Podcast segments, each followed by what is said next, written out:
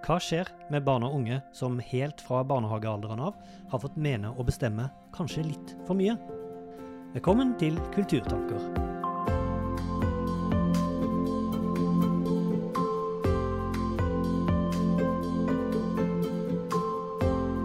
Dette er altså Kulturtanker, en podkast som handler om kunst og kultur for, med og av barn og unge.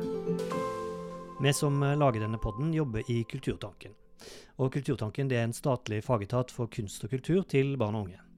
Og I denne podkasten løfter vi fram ulike temaer som er relevante for kulturtilbudet til det aller viktigste publikummet vi har. Og jeg som har gleden og æren av å lede deg gjennom disse temaene, heter Torgeir Engen. Hallo, alle sammen, og hjertelig velkommen til Kristiansund, Kulturfabrikken og Kulturtankens årskonferanse. I denne episoden av Kulturanker så skal vi på konferanse. Og ikke hvilken som helst konferanse heller. Du skal nemlig få bli med til Møre og Romsdal og den deilige byen Kristiansund og Kulturtankens årskonferanse. Den ble gjennomført tidlig i november 2022 og ble arrangert av oss i Kulturtanken sammen med Møre og Romsdal fylkeskommune og Kristiansund kommune. Vi starter med en gang og lar Kulturtankens direktør Øystein Strand ønske velkommen og stille det overordna spørsmålet konferansen tok for seg. Og tenk, da. 250 ish er vi fysisk samlet i Kristiansund i dag. Tusen takk til alle dere som har kommet hit, og velkommen alle sammen. Det gir en ekstra god følelse å vite at alle vi deler et felles engasjement. Vi brenner for at både denne og neste generasjon barn og unge skal få oppleve, skape og dele kunst og kultur uansett hvor de bor i landet, og uansett hvem de fikk som foreldre. Vi har som jobb å sikre et kulturtilbud til denne målgruppa av høy kvalitet. Som oppleves relevant, som skaper magi, glede, irritasjon, frustrasjon utvikling og læring, og som bygger fellesskap i en tid der vi trenger det mer enn noen gang.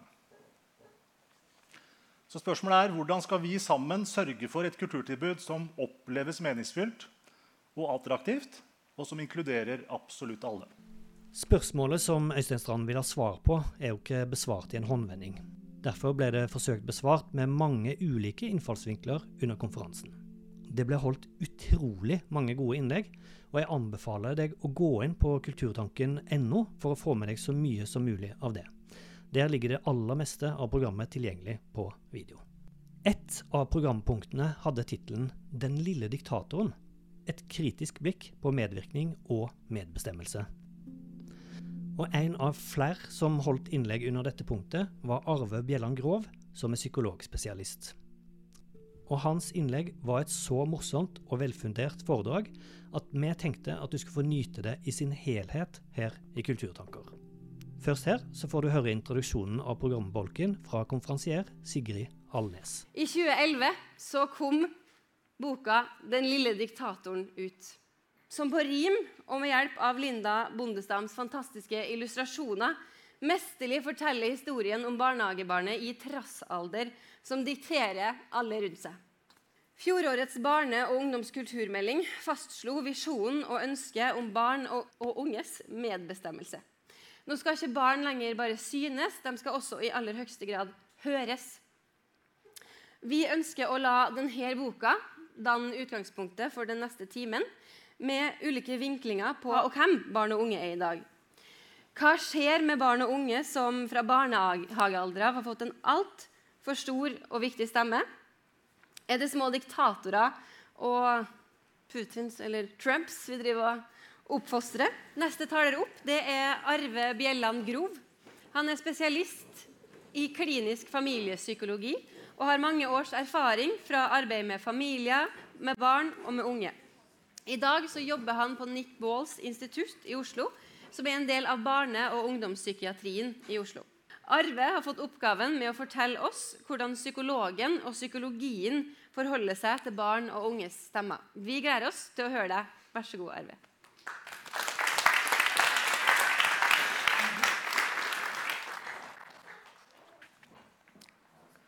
Takk. Jeg skal prøve å si noe om hva som kan skje med, eh, når, når, barn sin stemme blir lagt altfor mye vekt på, blir hørt altfor godt fra veldig tidlig av, fra barnehagealder av. Vi lever jo i ei tid med veldig mye fokus på følelser. Forfattere, journalister og ikke minst min egen stand, psykologer, lærer foreldre om viktigheten av å se, snakke om, forstå barn sine følelser. Det heter ikke lenger 'kutt ut' eller, du, eller 'kan du ikke bare ta deg sammen og gjøre det'? Uh, I stedet for så sier vi 'nå ser jeg at du er sint', uh, og kanskje vi skal snakke litt om hva som skjer inni deg nå. Ideen, og det er slett ikke noe dårlig idé, er at god atferd springer ut av et sortert følelsesliv. Og at vi voksne kan hjelpe ungene våre til å sortere og forstå i sine egne følelser. Og dette gjør vi jo ikke ved å kjefte eller prøve å stoppe følelsene deres. Men vi gjør det ved å være rolige, nysgjerrige, snakke om hvordan ting føles, prøve å komme litt på innsida av opplevelsen, sånn at barnet etter hvert kan komme på innsida av seg sjøl, se seg sjøl fra innsida og se andre fra utsida. Dette er slett ikke dumt. Eh, jeg sjøl, her er jeg, vokste opp i ei tid som var stikk motsatt. Litt sånn som Ellen snakka om. Ei tid der lydighet var en dyd og høyt ansett verdi. Eh, farmor husker jeg, hun skraut til foreldrene mine. 'Dere har så høflige barn', sa hun. Og så husker jeg at Mor og far ble litt sånn stolte. Og vi satt alle sammen litt sånn rundt bordet. Ja, vi er en veldig høflig familie hos oss. da. Som var litt stolte.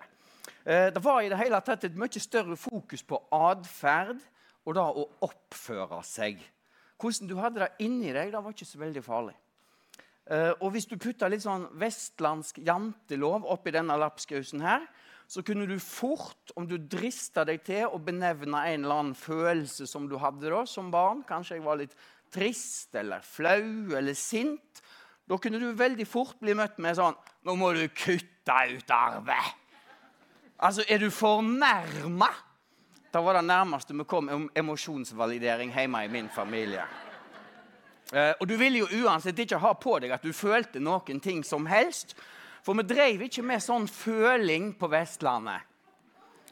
Altså På Vestlandet, på Stord, der jeg, der jeg kommer fra, nærmere bestemt på 70- og 80-tallet, så var vi liksom på det jevne. Uh, vi følte aldri noen ting sterkt. Og foreldrene mine de er sånn fortsatt. da. Så når de kommer på besøk til Oslo, der jeg bor, og så spør vi har dere lyst til å spise noe, er dere sultne, er dere varme, er dere kalde, så er det bare sånn Nei da! Vi har ikke behov for noen ting. Vi føler ingenting. Altså, Å ikke føle noe er en sterk verdi der hjemme. Jo mindre du føler, jo mindre til bry er du. Altså, du plager ingen. Du er et godt menneske. Og så har heldigvis både diskursen og kunnskapen forandra på seg. Vi vet mer om følelser. Eh, vi vet mer om barn. Vi vet mer om hvordan skam virker på oss. Skam har en veldig dårlig effekt. Det stopper opp utviklinga i hjernen, eh, som har fjerna skammekroken, og det er bra. Vi har blitt klokere. Eh, og så skal Jeg si dere i dag, jeg har forberedt dette innlegget her, og så jobber jeg jo på BUP-en med alle disse flotte kollegaene mine. Så, så under forberedelsen så gikk jeg bl.a. til min gode kollega Wenche og fortalte at jeg skulle snakke om dette her med hva som skjer når barn fra tidlig alder av får en for stor og viktig stemme. Og Wenche sin respons Hun er altså kollega, barnepsykolog og mamma. Hun sier det er jævla vanskelig. Uh, eller, eller, og, og, så sier hun at når, når dattera til Wenche trasser, spytter Sjøl der, forteller Wenche, eller, eller, kanskje akkurat der Når Wenches barn er helt pyton, så kjenner Wenche seg slått ned i bakken. Ikke av sitt eget barn, men av sitt eget fagfelt. Eh, bare tanken på sånne stopp, stopputsagn som ja, men 'Lille gull, nå må det faktisk være nok'. Eller, eller, eller sånn kan du ikke bare holde opp? da? Bare tanken på å si sånne ting trigger en sånn umiddelbar, veldig dårlig samvittighet i Wenche, som resulterer i at hun vender disse tankene mot seg sjøl i stedet for og sier ja, men Wenche, nå må du faktisk holde opp. Hvor dårlig mor går det faktisk an å bli?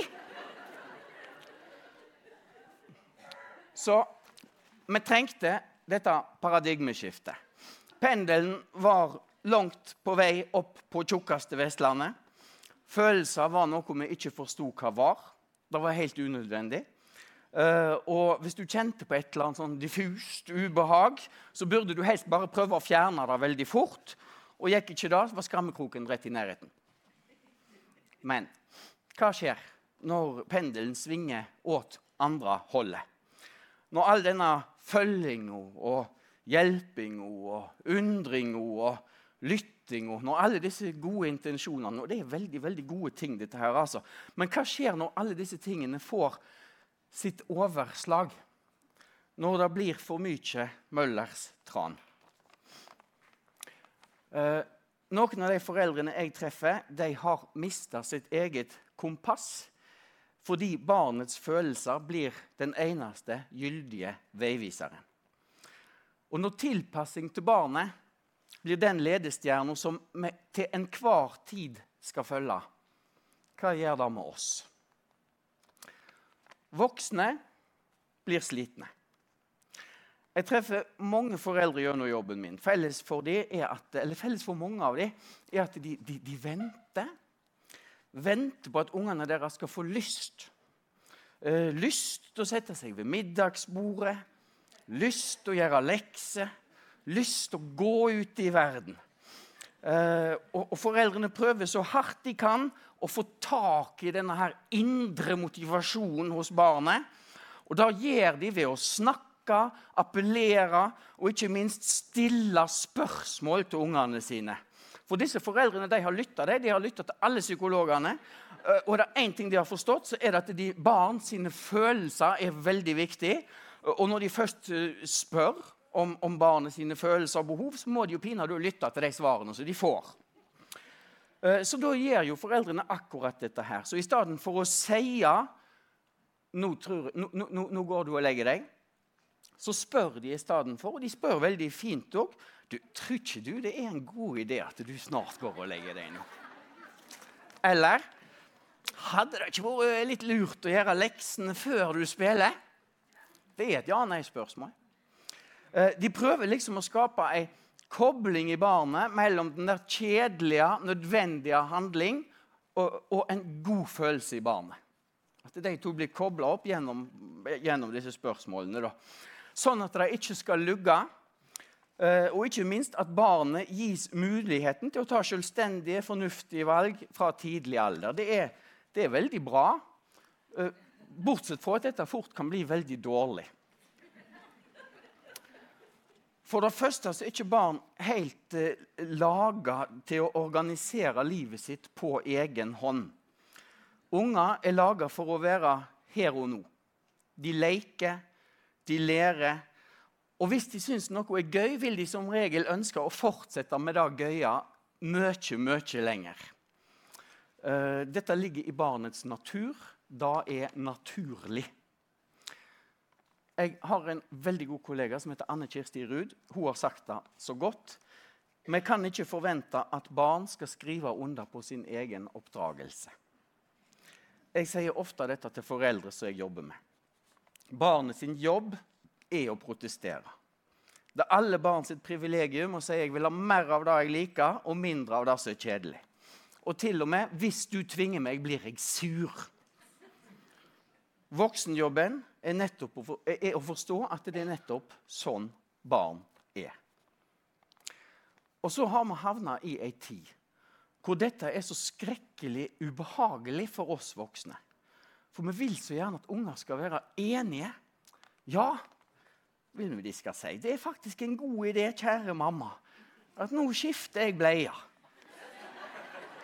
Tar på ulltøy. Gjør leksene Går på turning og legger meg klokka åtte sjøl om jeg ikke er trøtt.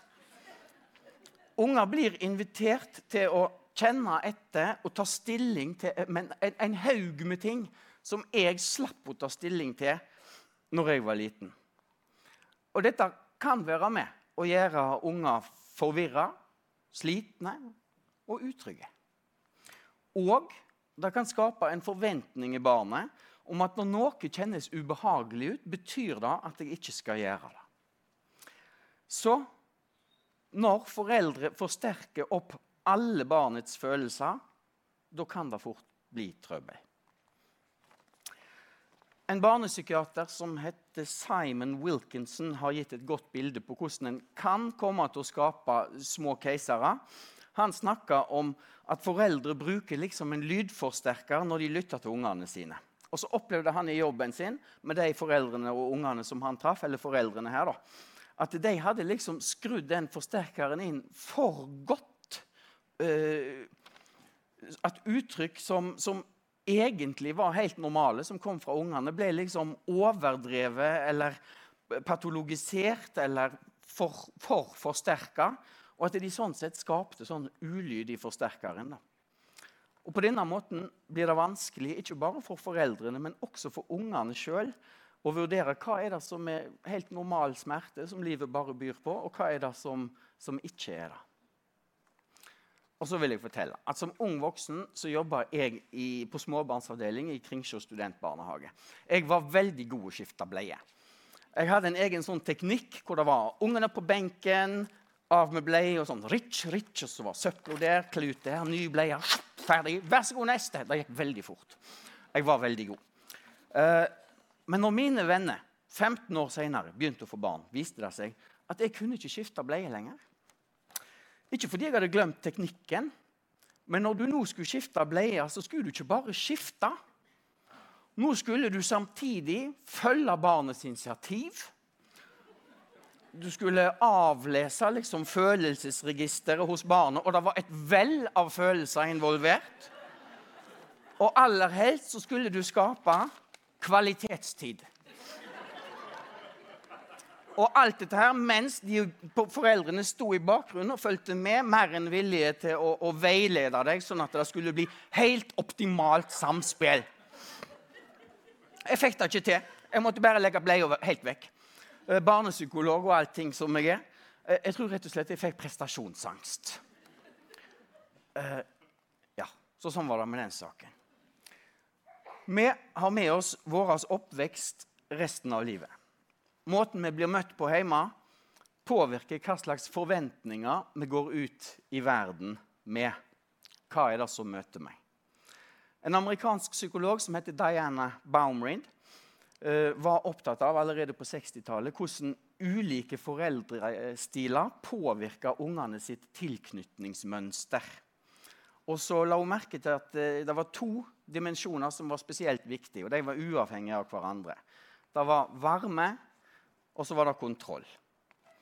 Og så observerte hun at det som hun kalte for en autoritativ det er det som jeg har skrevet i grønt, foreldrestil, altså hvor det var masse varme eh, og empati, og samtidig høy grad av kontroll, masse grenser, det hadde en veldig positiv effekt på barnets utvikling. Dette var trygt. Eh, de andre stilene, altså ettergivende, eh, uinvolvert eh, og autoritær foreldrestil, de hadde ikke helt, det gikk ikke så bra. Med andre ord barn som vokste opp uten grenser og innramming, ble utrygge. Og noen av dem helt sikkert små keisere. Men da ble også de som vokste opp med masse grenser, uten at det var den varmen eller inntoningen eller empatien. Så Baumrind fant ut at de ungene som klarte seg best ute i verden, var ungene som både fikk tydelig innramming i kombinasjon med en varm, empatisk foreldrestil. Begge deler. Nå er det leggetid. Jeg skjønner at du ikke har bitten lyst, og jeg tåler det. Til slutt vil jeg referere en kjent britisk psykoanalytiker som heter Donald Winnicott han minner oss om at alle, til og med foreldre, har gode og dårlige dager. Eh, og ungene våre de verken har behov for eller søker mot noe sånn perfekt oppdragelse. Så Winnicott sier det gjelder å være good enough, gjennomsnittlig.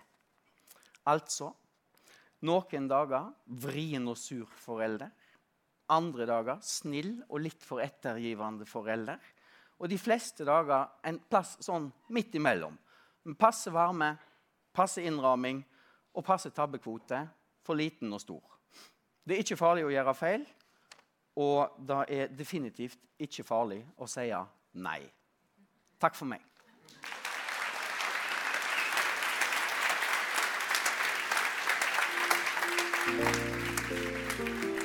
Arve Bjelland Grov, som er spesialist i klinisk familiepsykologi, var altså en av mange som delte innsikt og tanker om barn og unge på Kulturtankens årskonferanse i Kristiansund. Hvis du vil høre og se mer av det som ble delt på konferansen, så er det altså bare å gå inn på kulturtanken.no og klikke deg fram til årskonferansen 2022. Så ligger store deler av konferansen tilgjengelig der. Det anbefales. Nå skal vi pakke ned denne episoden av Kulturtanker og si takk for oss. Vi høres igjen snart.